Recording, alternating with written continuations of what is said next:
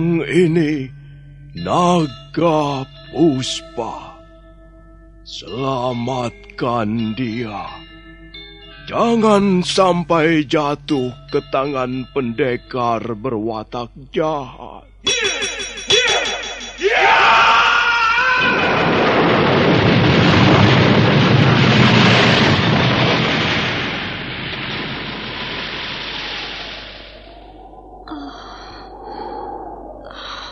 Kakang Kamandanu, kau, kau masih juga tidak percaya bahwa aku, aku mencintaimu. Mesin, maafkan aku Mesin. Oh. Mesin. Oh. Mesin!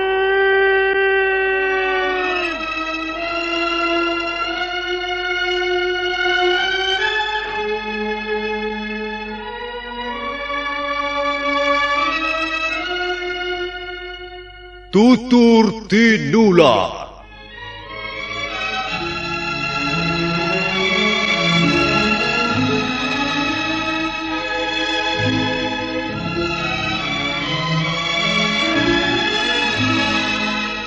Sebuah sandiwara radio serial, produksi Sanggar Cerita dan teater Sanggar Prativi. Sebuah kisah dengan latar belakang sejarah runtuhnya Singasari dan berdirinya Kerajaan Majapahit.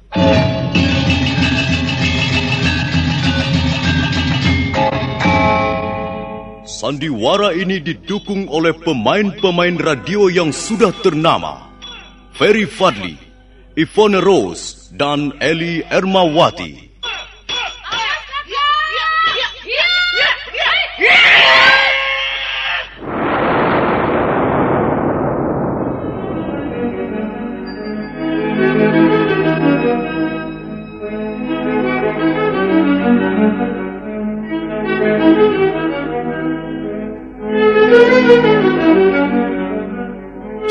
Ini ditulis dan disusun oleh S. Tijab. Teknik dan montase dikerjakan oleh Rudi Tinangon dan Joko SP. Sutradara EWS Yuwono. Kali ini mengetengahkan episode pertama dengan judul Pelangi di atas Kurawa.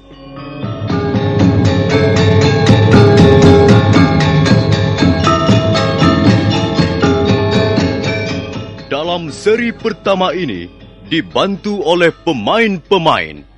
Mamo sebagai Kertanegara, Harry sebagai Diah Wijaya, Narto B sebagai Arda Raja, Iwan sebagai Prana Raja, Wawan sebagai Gangga Dara, Benny sebagai Jarawaha, Petrus sebagai Jaran Bangkal, Suryate sebagai jaran lejong, Yayu sebagai pelayan, dan Nusri pembawa cerita.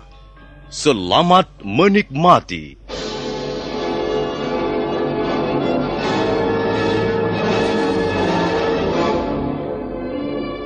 Pada tahun Saka 1206 atau 1284 Masehi, kekuasaan Raja Kertanegara mencapai puncaknya di Singasari, Pulau Bali berhasil ditundukkan. Demikian pula kerajaan Gurun, Bakulapura, Pahang, Sunda dan Madura. Demikianlah Singasari atau Tumapel semakin mengembangkan sayap kekuasaannya di luar Pulau Jawa.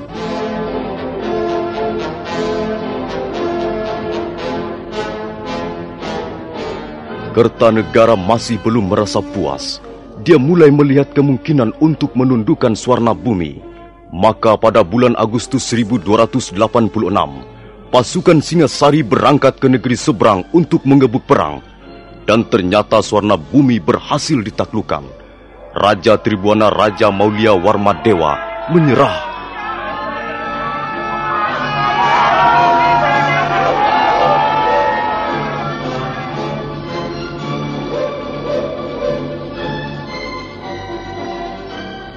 Enam tahun kemudian, setelah menaklukkan negeri Melayu, pada tanggal 17 April 1292, Kertanegara mengeluarkan prasasti Camunda.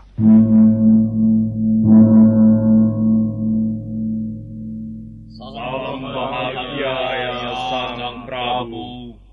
Salam bahagia wahai Sang Siwa Buddha. Terima kasih. Salam kalian kuterima dengan senang hati. Mudah-mudahan berkenan pula bagi para dewa yang bersemayam di atas langit. Kalian semua kuundang untuk berkumpul di pendapa agung ini agar menjadi saksi hidup dengan adanya prasasti yang baru saja dirampungkan oleh Sudarma Papati. Kita semua mengerti ada banyak yang bisa kita capai dengan gemilang tahun-tahun terakhir ini. Singasari bukan lagi sebuah tempurung yang mengapung di Muara Sugalu. Melainkan telah berganti wajah menjadi sebuah armada kapal perang yang ditakuti negeri-negeri lain yang jauh. Arca Amoga Pasa yang kutanam di permukaan swarna bumi adalah bukti yang tak bisa disangkal, sekalipun oleh orang yang kurang berpengetahuan. Memang benar, Gusti. Apa yang telah diraih Singasari merupakan kebanggaan yang tak bisa dipungkiri. Nah, itu semua berkat jerih payahmu juga, Paman Lembu Sora. Juga jerih payah kalian, Ranggalawe, Nambi, Kebu Anabrang, menantuku Tiah Wijaya dan Arda Raja. Kau pun ikut berjasa, Paman Banyak Kapuk, Gajah Pagon, dan Rapodang. Semua ini adalah pekerjaan kita semua. Bukankah demikian? Benar, Sang Prabu. Nah, sekarang dengar. Pekerjaan yang baik sudah sepantasnya mendapat hadiah atau penghargaan.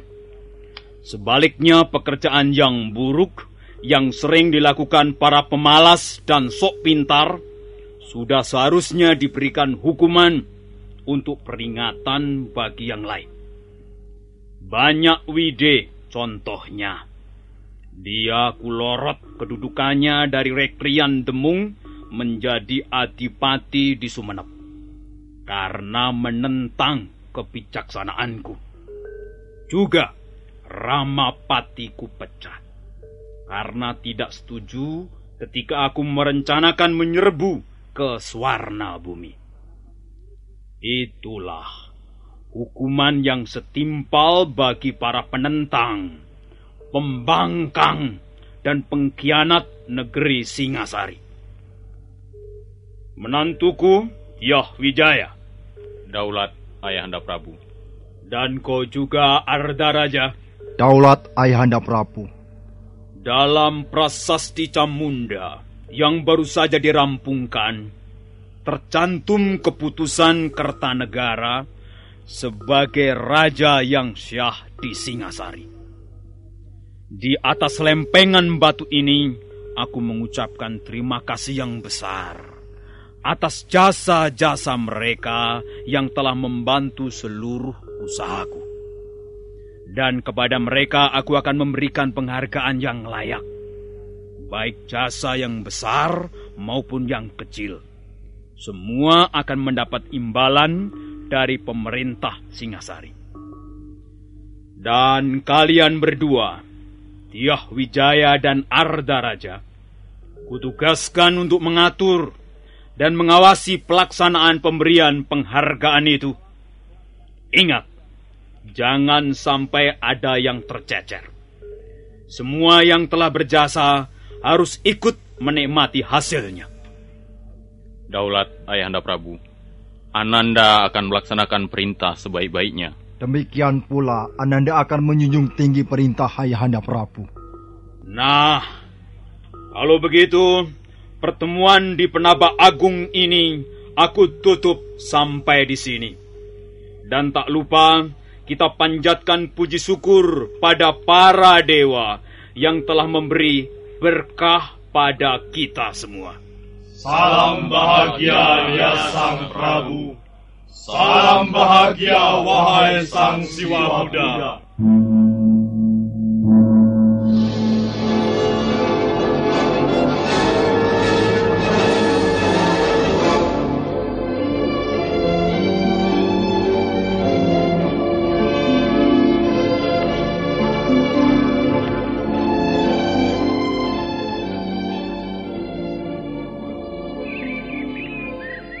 Kakang Jarawaha, kupikir raja kita sekarang ini hebat sekali. Hmm. Di mana letak kehebatannya menurut pendapatmu, Adi Ganggadara? Ya, dia tegas dan tergolong seorang raja yang berani. Iya. Bayangkan, suarna bumi yang megah dapat ditundukkan tanpa kesukaran. Aku bangga bisa mengabdi pada raja seperti Prabu Kertanegara. Aku pun bangga mempunyai raja seperti beliau. Tapi aku mempunyai alasan yang berbeda. Ya, dengan dibuatnya prasasti Camunda, semakin tampak kearifan dan kebijaksanaan beliau. Seorang raja besar bersedia menekuk leher, menundukkan wajah untuk mengucapkan rasa terima kasih pada bawahannya. Itulah yang luar biasa. Kukira belum pernah terjadi sebelum Prabu Kertanegara. Ya, benar Kakang. Semua jasa orang, baik yang kecil maupun yang besar, baik dari kalangan bawah, menengah atau golongan atas, semua diperhatikan dan diberikan penghargaan. Rasanya pekerjaan kita tidaklah sia-sia. Dua kali aku terlibat peperangan bersama pedang kebanggaanku ini. Pertama, ketika menyerang Pulau Bali, dan kedua, ketika merebut ibu kota Suwarna Bumi. Dan sekarang pangkatmu naik menjadi perwira muda. Ya, ya. Dan Kakang Jarawaha menjadi perwira tinggi. Dan atasan kita, Tuan Pranaraja, naik pangkat menjadi... Shh, Kakang Jarawaha. Hmm? Bukankah itu Tuan Pranaraja? Hmm, iya. Pasti ada sesuatu yang penting. Tidak biasanya sepagi ini Tuan Pranaraja datang ke barak prajurit. Sarungkan pedangmu Ganggadara. Negara Singasari aman. Dan kita belum merencanakan perang lagi dengan negara lain. Oh iya, uh, maaf Tuan. Ah, tidak biasanya Tuan mengunjungi barak prajurit sepagi ini. Hm. Aku ada perlu dengan kalian berdua. Mari kujelaskan di dalam.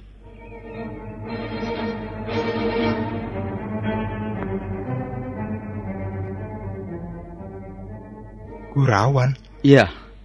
Memang hamba pernah mendengar nama desa itu sebagai tempat tinggal Empu Hanggareksa. Kalau tidak salah, letaknya berdekatan dengan desa Jasun Wungkal. Kalau kau sudah tahu letaknya, itu lebih bagus. Oh, jadi Empu Hanggareksa juga diundang ke istana? Tentu saja. Karena dia tergolong orang yang berjasa terhadap pemerintah Singasari. Hampir seluruh senjata milik perwira Singasari adalah buatan Empu itu. Benar, Tuan. Senjata yang ampuh memang ikut mempengaruhi semangat dan keyakinan seorang prajurit. Kalau begitu, kalian siapkan kuda dan perbekalan yang cukup untuk di perjalanan nanti. Apakah hari ini juga kita akan berangkat, Tuan? Ganggadara, tak baik menunda-nunda tugas yang diberikan oleh seorang raja.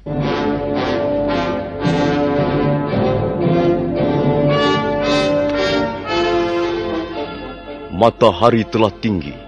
Panasnya menyengat membuat musim kemarau nampak gersang. Seluruh kota Singasari bermandikan keringat. Mendadak, debu-debu jalan berterbangan, bercampur baur dengan daun-daun kering yang gugur ke bumi. Ketiga-tiga ekor kuda berlari bagaikan terbang. Tiga binatang perkasa itu terus berlari menuju perbatasan kota untuk kemudian meninggalkan Singasari.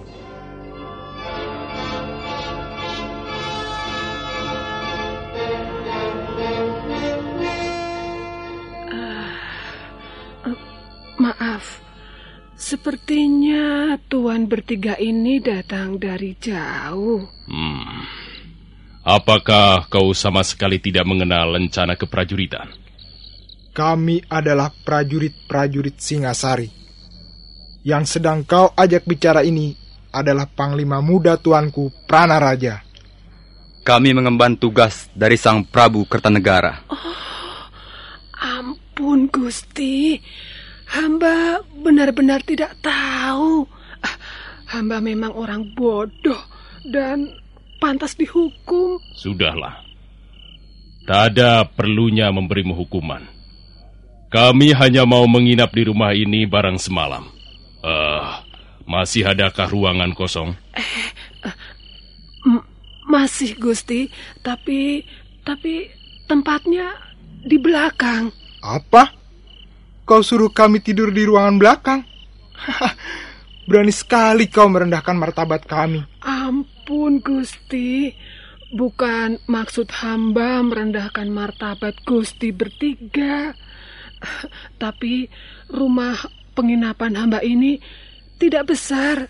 Ya, hanya ada tujuh ruangan dan di bagian depan sudah ditempati orang. Itu, di bawah pohon sawo itu ada dua ruangan yang cukup nyaman. Kami tidur di situ saja. Ampun Gusti, ruangan itu sudah ada yang menempati. Ah, suruh saja mereka pindah ke belakang. Katakan bahwa kami membutuhkan ruangan itu untuk istirahat. Ampun Gusti, hamba tidak berani mengatakannya. Hah? Apakah orang-orang itu menurut kau keturunan dewa? Hingga kau pantas merasa takut? Uh, kau pengecut. Biar aku yang akan bicara dengan orang itu. Mana dia? Apakah ada di sini? Ada Gusti, mereka ada di sini. Ah, Itu dia, itu Gusti yang duduk berdua di sudut ruangan itu.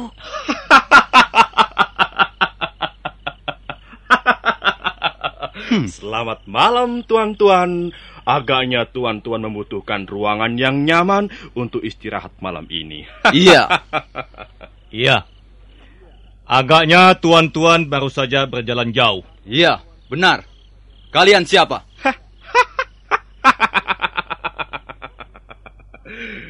Kami ini orang lontang lantung. Saya Jaran Bangkal. Hmm. Dan adikku ini bernama Jaran Lejong.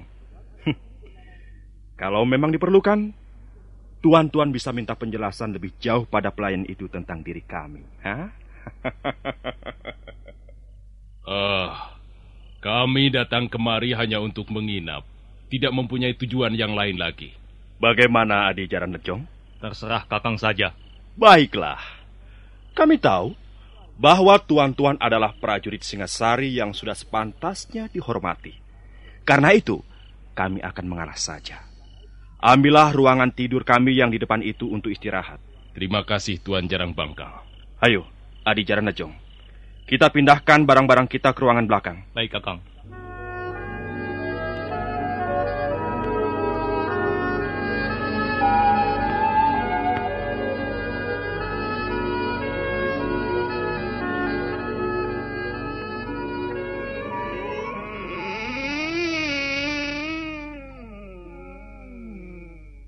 Ada apa pelayan? Gusti, Gusti, ah, kami harapkan berhati-hati. Dua orang itu agaknya punya niat yang kurang baik, Gusti. Kau tahu banyak tentang mereka.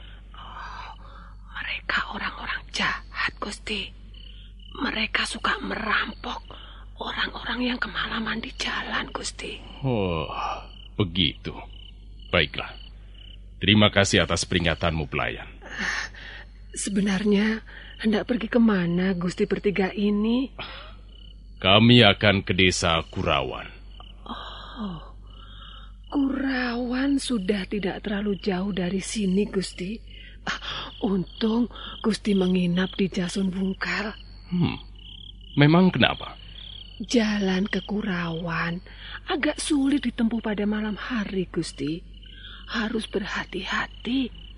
karena banyak jurang dan tebing yang berbahaya. Hmm, baiklah. Pergilah pelayan. Biarkan kami istirahat malam ini. Baik, Gusti. Maaf, hamba telah mengganggu. Selamat malam, Gusti Pranaraja. Iya.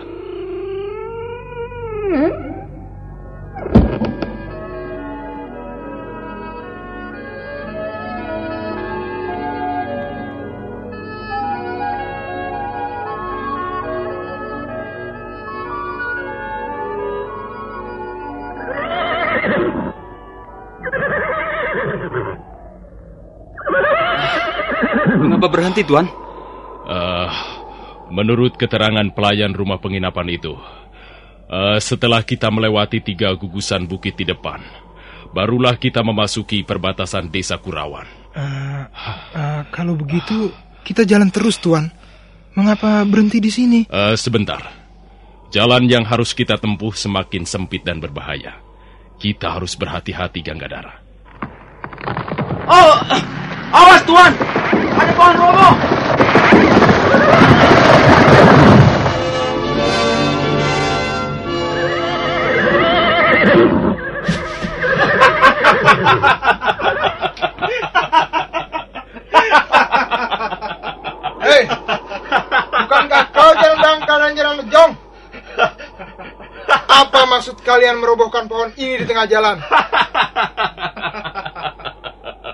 Maksud kami adalah untuk menghalang-halangi perjalanan kalian bertiga. ah, kurang ajar. Tenang, Ganggadara. Tenang saja. Aku tahu siapa mereka. Ah, bukankah kalian bermaksud merampok kami? tidak, tidak. Kami hanya ingin minta ganti rugi. Hmm. Ganti rugi apa? Kami tidak pernah merugikan kalian. Semalam kalian tidur nyenyak di ruang penginapan itu. Sedang kami hampir tak bisa tidur. Iya, kami tidur di kerubutan nyamuk dan kepinding. Apakah itu bukan kerugian namanya? Hah, baik. Sekarang apa yang ingin kalian lakukan? Kalau kalian mau memberi kami 50 ringgit, maka kami akan membiarkan kalian melewati jalan ini. Jarang bangkal. Apakah kau tidak tahu sedang bicara dengan siapa? Kami adalah prajurit. Kami tidak akan mempan digertak dengan cara seperti itu. Hei, begundal-begundal Kertanegara. Kami bukan hanya mengertak. Kalau kalian tidak bersedia memberikan apa yang kami minta, maka kalian pasti akan menyesal. Jarawaha dan kau Ganggadara, hm, aku muak melihat tampang dua orang itu. Cepat bereskan mereka. Baik, Tuan. Ayo jaran bangkal dan jaran lejong. Kalau kalian menginginkan 50 ringgit, cabutlah pedang dan hadapilah Jarawaha dan Ganggadara.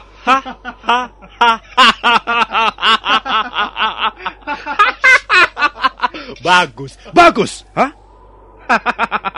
Ayo, Adi Jaran Lejong. Kita orang lontang lantung. Untuk apa gentar pada tikus-tikus piaraan Kertanegara? Hmm?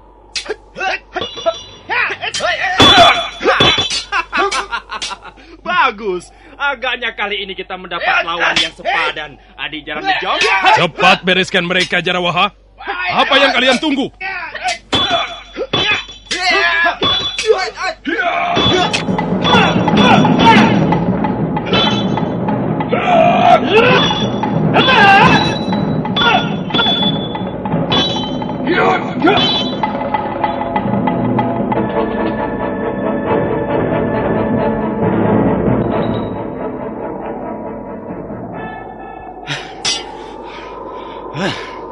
Bagaimana jaran bangkal dan jaran dejong? Kalian masih menginginkan 50 ringgit? Hah?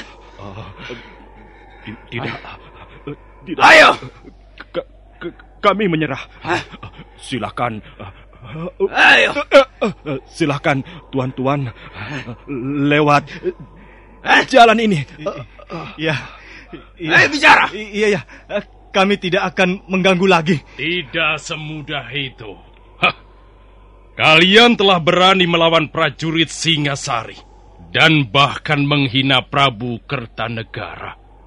Untuk itu, kalian harus dihukum. Ampun Tuan, ampun Tuan. Kami, kami, kami mengaku bersalah Tuan. Ampun Iya, Tuan. Tuan. Iya, iya. Ka- kami menyesal sekali. Kami sungguh-sungguh menyesal telah berani mengganggu tuan-tuan. Tidak mudah mengampuni kesalahan seperti itu. Hah, mana tangan kalian? Ayo, ulurkan ke depan. Iya, iya. Aku akan memotongnya. Ayo. Tuan.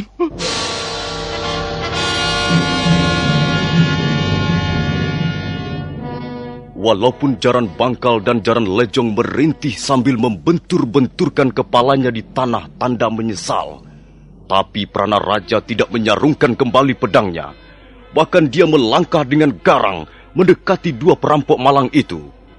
Nah, para pendengar sekalian, bagaimana kelanjutannya?